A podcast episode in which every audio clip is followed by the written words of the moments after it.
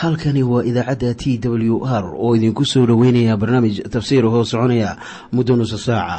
Waxaana barnaamijkan codka waayaha cusub ee waxbaridda ah idiin soo diyaariya masiixiin soomaaliya.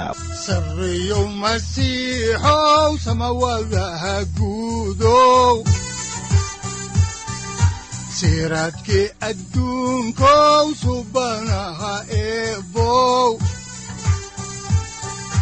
sareyow masiixow samawadaha guudow siraadkii adduunkow subanaha eebow ku soo dhowaada dhegaystayaal barnaamijkeenna dhammaantiinba. Waxaan horay u sii ambaqaadi doonnaa daraasaadkii la magac baxay baibalka dhammaantii. Waxaannu caawa idin bilaabi doonnaa cutubka saddexaad iyo kan afraad ee kitaabka shanaad ee muuse oo loo yaqaanno sharciga ku noqoshadiisa mawduuca uu ka hadlayana waxa weeye guuldarradii qabsatay coog oo ahaa boqorkii baashaan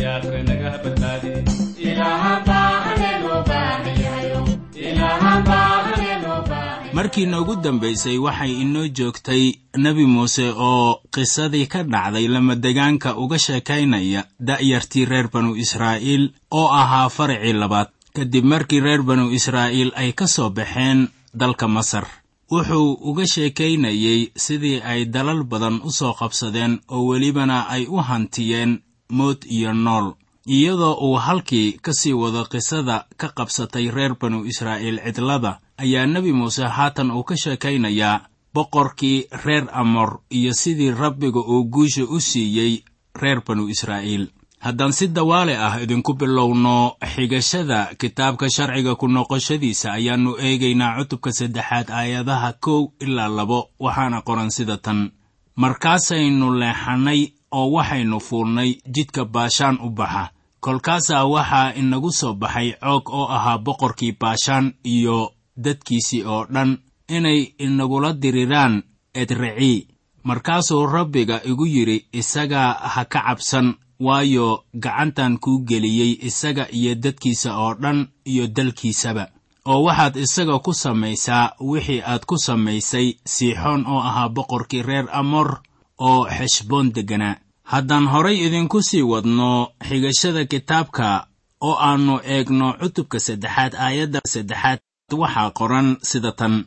Oo sidaasuu rabbiga ilaaheenna ahu coogna oo ahaa boqorkii baashaan iyo dadkiisii oo dhanba gacanteenna u soo geliyey oo waynu wada laynay ilaa aan isagii midna u harin coog wuxuu ahaa boqorkii reer amor wuxuuna ahaa nin lahaa boqortooyo xoog badan oo welibana aan la hawaysan karin.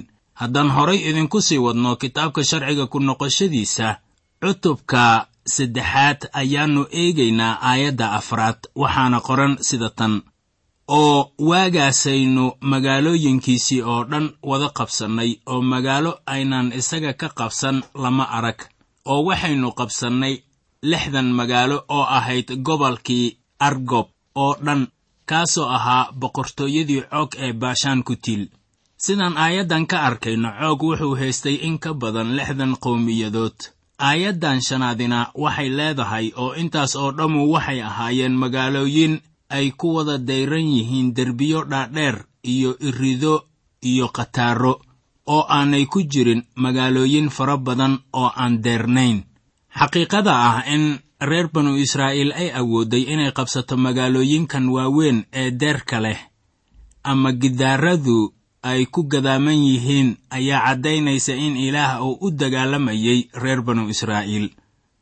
Tani waxay qalbiqaboojin u ahayd faracan cusub oo haatan la dagaalamaya quruumo xoog badan oo degganaa caasimado gidaaradoodu ay dhaadheer yihiin ee ku yiilay dhulkii la ballanqaaday haddaan dib ugu noqonno xigashada kitaabka oo aannu eegno cutubka saddexaad aayadda kow iyo tobanaad waxaa qoran sida tan.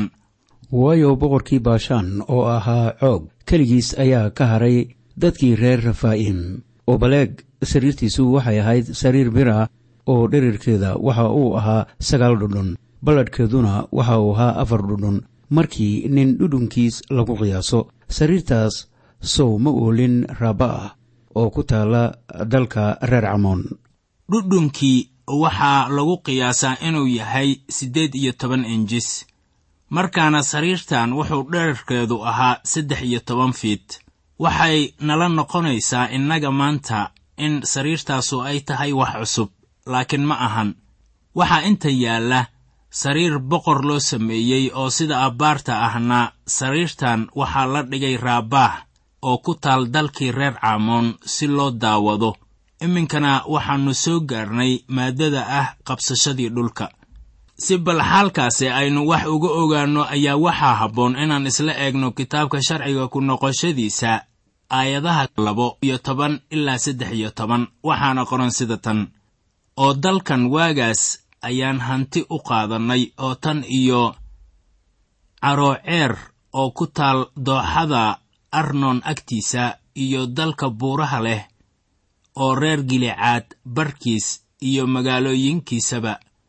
Waxaan siiyey reer rubeen iyo reer gaad oo waxaan qabiilka reer manaseh barkii siiyey gilicaad inteeda kale iyo baashaan oo dhan oo ah boqortooyadii coog intaasoo ah gobolka argob oo dhan iyo xataa baashaan oo dhan oo intaas waxaa lagu magacaabaa dalkii reer refaa'im haddaba boqortooyadan la qabsaday ee coog waxaa la siiyey qabiilka reer rubeen reer gaad iyo qabiilka reer manaseh barkiis kuwaasoo doortay daanta bari ee webiga jordan. Haddaan horay idinku sii wadno kitaabka sharciga ku noqoshadiisa cutubka saddexaad aayadda siddeed iyo tobanaad ayaa waxaa qoran sida tan. Oo waagaas waxaan idinku amray oon idinku idhi rabbiga ilaahiinna ahu dalkan buu idiin siiyey inaad hantidaan. Raggiinna dagaalyahanka ah oo dhammu idinkoo hub wata walaalihiin reer banu israa'iil ah horumara oo gudba. Haddaba nebi muuse wuxuu xusuusinayaa qabiiladan in dhulka la siiyey ay iska degaan laakiin ay tahay inay walaalahood kale ku caawiyaan qabsashada deegaanada daanta galbeed ee webiga jordan haddaan qisada halkeedii idinka sii wadno oo aannu eegno kitaabkii shanaad ee muuse oo loo yaqaano sharciga ku noqoshadiisa cutubka saddexaad aayadaha sagaal iyo toban ilaa labaatan waxaa qoran sida tan. Laakiinse afooyinkiinna iyo yaryarkiinna iyo xoolihiinnu ha iska joogeen magaalooyinkiinna aan idiin siiyey. Waayo waan ogahay inaad xoolo badan leedihiin ilaa uu rabbigu na siiyo walaalihiin siduu idiinna siiyey oo kale oo iyana ay hantiyaan dalka rabbiga ilaahiinna ahu uu iyaga ka siinayo webi urdun shishadiisa markaas ninkii waliba ha ku soo noqdo hantidiisa aan siiyey.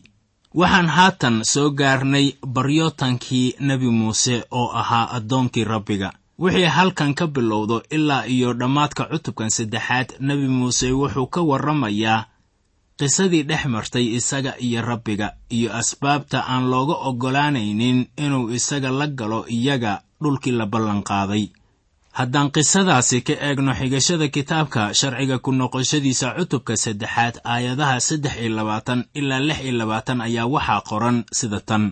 Markaasaan rabbiga baryey oo waxaan idhi sayidow ilaahow waxaad bilowday inaad anoo addoonkaaga ah i tusto weynaantaada iyo gacantaada xoogga badan.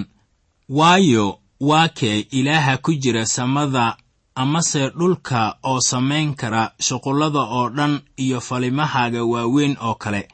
Haddaba waan ku baryayaaye aan u gudbo oo aan arko dalka wanaagsan oo ka shisheeya webi urdun kaasoo ah buurtaas wanaagsan iyo lubnaan laakiinse rabbigu idinka daraaddiin buu iigu carooday imana uu maqlin. Markaasaa rabbigu wuxuu igu yidhi intaasu ha kugu filnaato oo mar dambe xaalkaasi ha igala hadlin.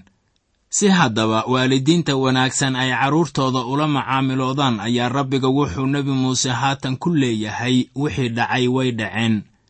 Ee nebi muusow taas ku saabsan gelitaanka dhulka aniga ha igala hadlin kol dambeeto. Haddaan horay ugu soconno ayaa waxaa ku qoran kitaabka sharciga ku noqoshadiisa cutubka saddexaad aayadda toddoba iyo labaatanaad sida tan.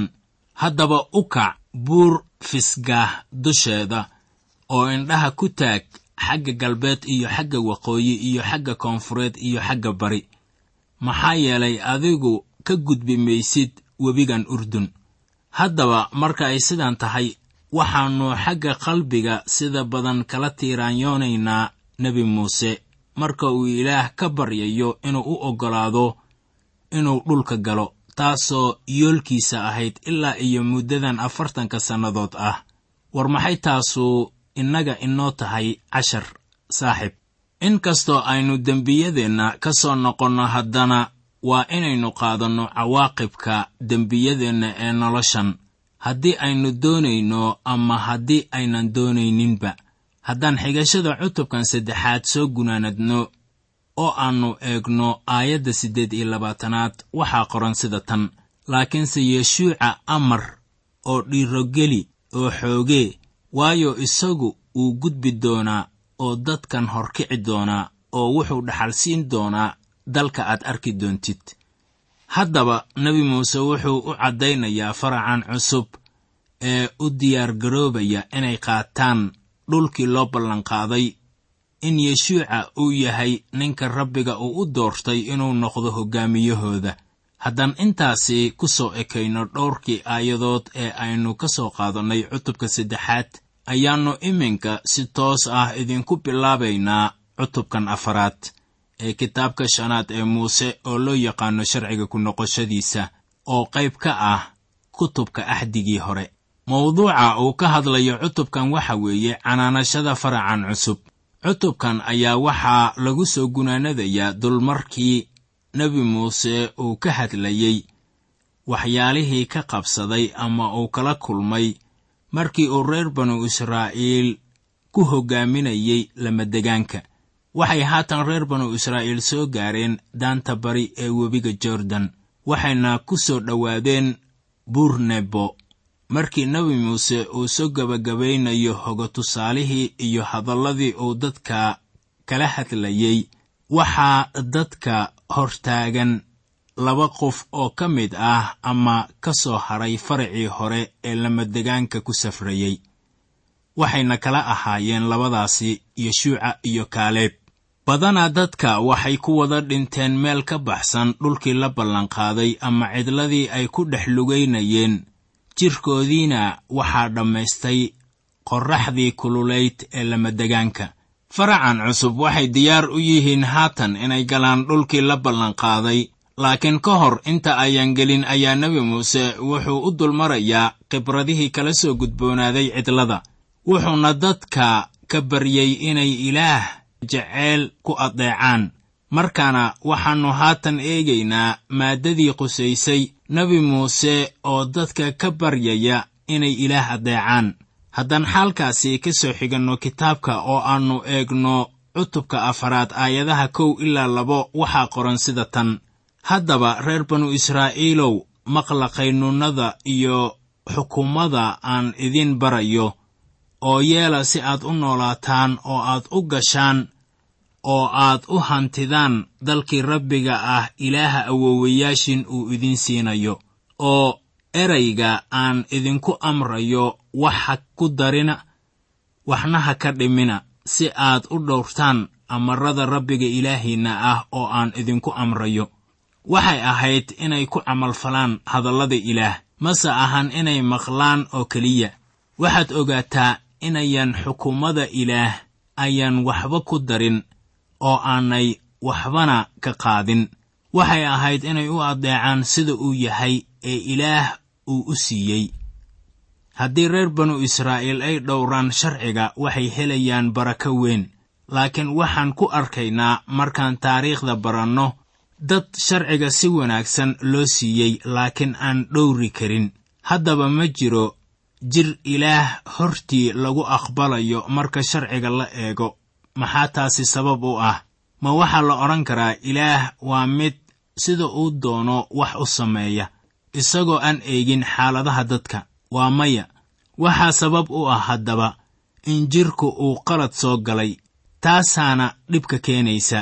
Sidaan horayba idinku soo sheegnay kitaabkan laba waxyaalood buu si weyn ugu nuuxnuuxsanayaa waxayna kala yihiin jacayl iyo addeecis waxaa laga yaabaa inaadan garanaynin in jacaylka wax badan looga hadlay ahdigii hore.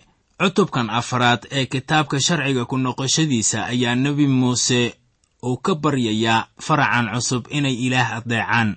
Wuxuuna siinayaa asbaabaha ay ilaah ku addeecayaan waxayna kala yihiin kow. Ilaah wuxuu doonayaa ama u soo dejiyey sharciga si ay reer banu israa'iil dhulka ku degganaadaan oy maalno ku helaan. Aayaddan koowaad ayaa inoo sheegaysa inay tahay inay ilaah addeecaan oo ay maqlaan qaynuunnadiisa iyo xukuumadihiisa si ay u noolaadaan oy dhulka u galaan una hantiyaan.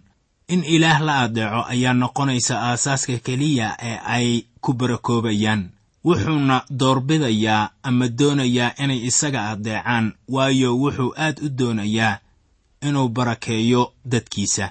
Labo addeecista reer banu israa'iil ay addeecayaan ilaah ayaa muujinaysa sida ay ilaah ugu mahadnaqayaan. Innagoo baaritaarayna asbaabta labaad ayaannu soo qaadanaynaa kitaabka sharciga ku noqoshadiisa cutubka afaraad aayadaha shan ilaa siddeed oo leh sida tan. Bal eeg qaynuunno iyo xukumo ayaan idiin baray sidii rabbiga ilaahayga ahu igu amray. Inaad saas ku dhex samaysaan dalka aad u gelaysaan inaad hantidaan. Haddaba iyaga dhowra oo sameeya maxaa yeelay taasu waa xikmaddiinna iyo waxgarashadiinna aad ummadaha hortooda ku yeelanaysaan kuwaasoo markay qaynuunnadan oo dhan maqlaan odhan doona hubaal quruuntan weyn waa dad xikmad leh oo waxgarad ah. Waayo bal waatee quruunta weyn oo leh ilaaha saas iyada ugu dhow siduu inoogu dhow yahay rabbiga ilaaheenna ahu mar alla markaynu barinno oo bal waatee quruunta weyn oo haysataa qaynuunno iyo xukumo xaq u ah siduu yahay sharcigan oo dhammu ee aan maanta idin hordhigayo. Ilaah wuxuu si la yaab leh u barakadeeyey iyaga si markaasi ay ilaah ugu mahadnaqaan iyagoo raacaya shuruucdiisa ama addeecaya amarada iyo xukuumadda afkiisa.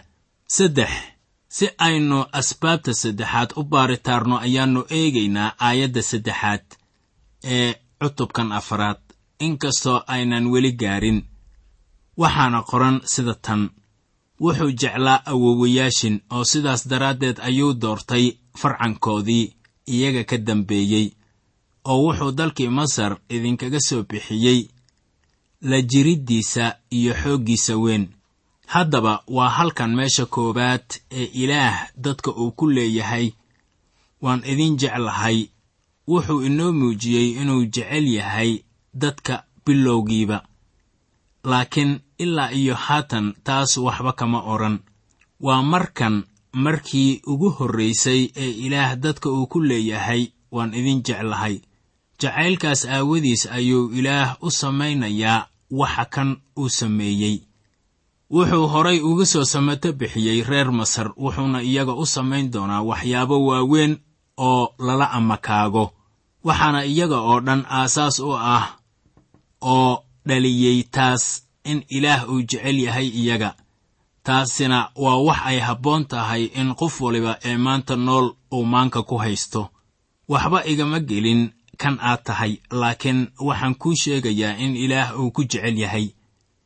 Waxaa laga yaabaa inaad mar waliba khibrad u lahaanayso jacaylka ilaah. Dembiyadeenna ayaa innaga iyo ilaah ina kala soocay. Iyadoo weliba aynu dembiilayaal nahay ayaa welibana adiga iyo anigaba ilaah uu ina jecel yahay. Wuxuu inagu tusayaa jacaylka iskutallaabta masiixa markii aynu masiixa u qaabilno sida inuu yahay badbaadiyaheenna. Waxaan khibrad u yeelanaynaa jacaylka ilaah. Afar waxay ahayd inay addeecaan ilaah waayo waxay leeyihiin ilaah. Si aynu idinku bidhaaminno asbaabta afaraad ayaa waxaa qasab ah inaan eegno cutubka afar iyo tobanaad aayaddiisa koowaad ee kitaabka sharciga ku noqoshadiisa waxaa qoran sida tan. Idinku waxaad tihiin rabbiga ilaahiinna ah carruurtiisii haddaba qof dhintay aawadiis jidhkiinna ha u goynina oo indhihiinna dhexdoodana ha xiidrina in la dhowro sharciga caynkan oo kale ah ayaa noqonaysaa sharciga koowaad ee nolosha saaxiib dadka waa kuwa dabeecad ahaan ilaah ka soo horjeeda dadku dooni maayaan inay ilaah adeecaan oo bilxaqiiqa waa kuwa ka soo horjeeda ilaah. Hadallada ilaah ama kitaabka quduuska ah waxaannu ku arkaynaa in dadku ay had iyo goorba ilaah ka soo horjeesan jireen. Maanta xitaa taasi way muuqataa. Haddii reer banu israa'iil ay dhowri lahaayeen shuruucdaas waxay heli lahaayeen barako aan xisaab lahayn.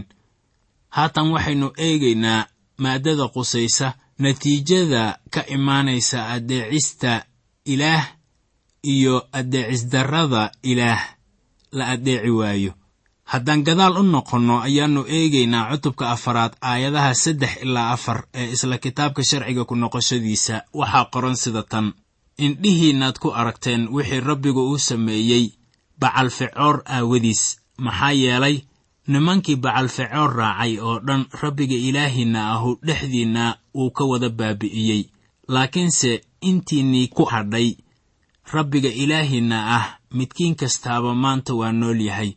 Wuxuu nebi muuse soo xiganayaa xilligii balcaam loogu yeedhay inuu habaaro reer banu israa'iil oo uu haddana awoodi waayey.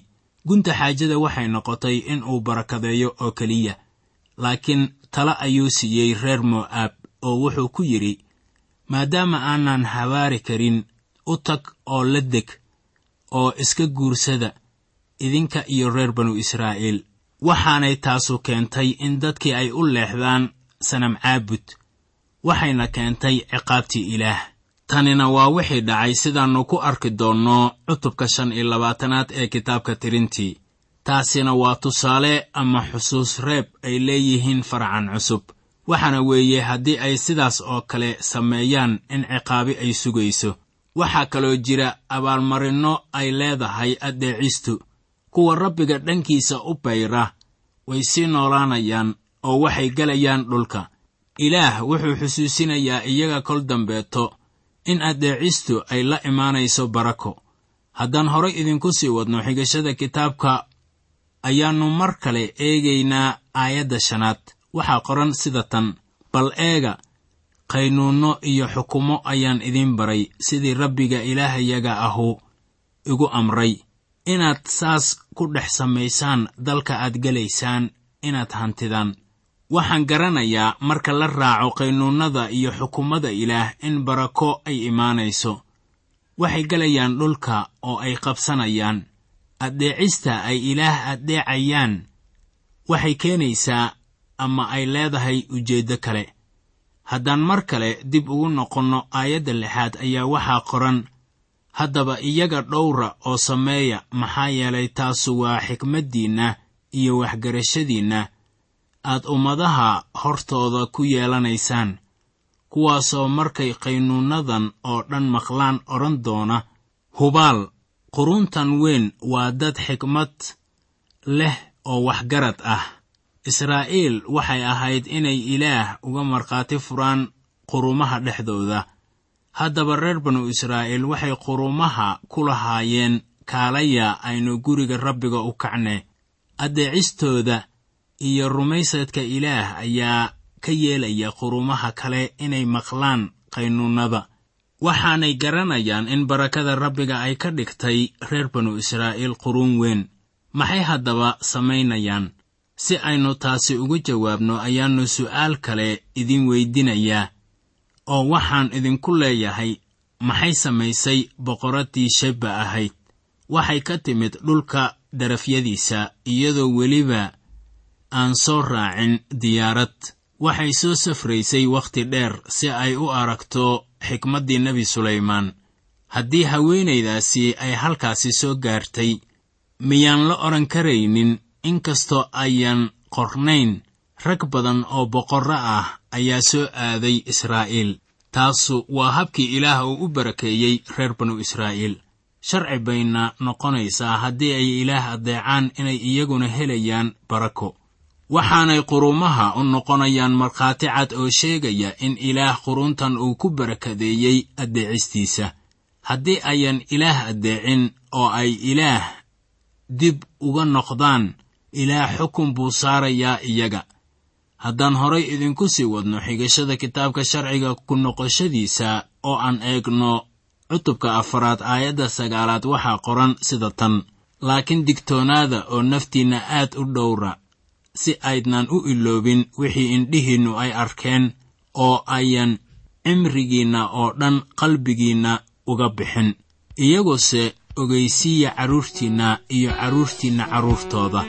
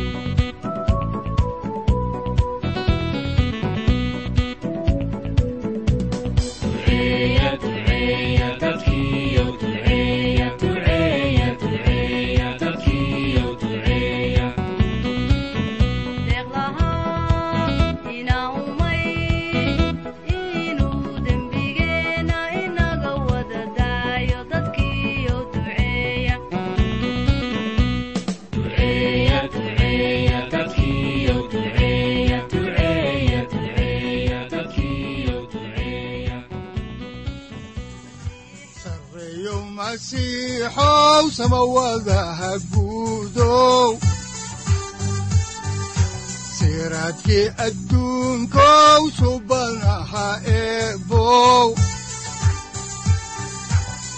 Adigoo samaada jiro ifkan soo saldhiganba adigoo samaada jiro ifkan soo saldhiganba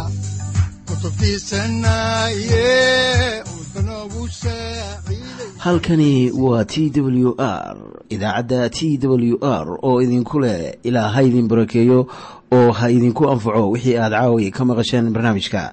Waxaa barnaamijkan oo kalaa aad ka maqli doontaan habeen dambe.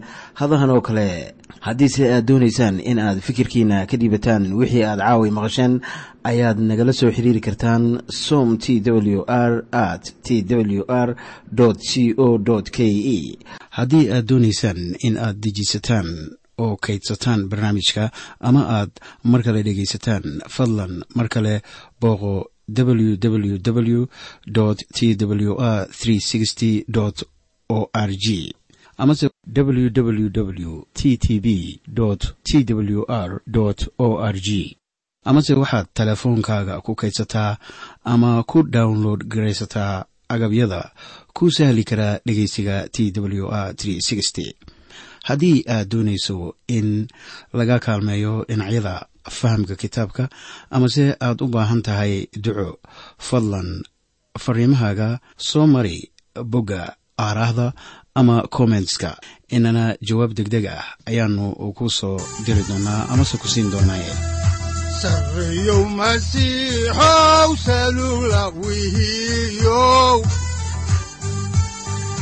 saacadda timid dhulka sabada ku dhalatiyo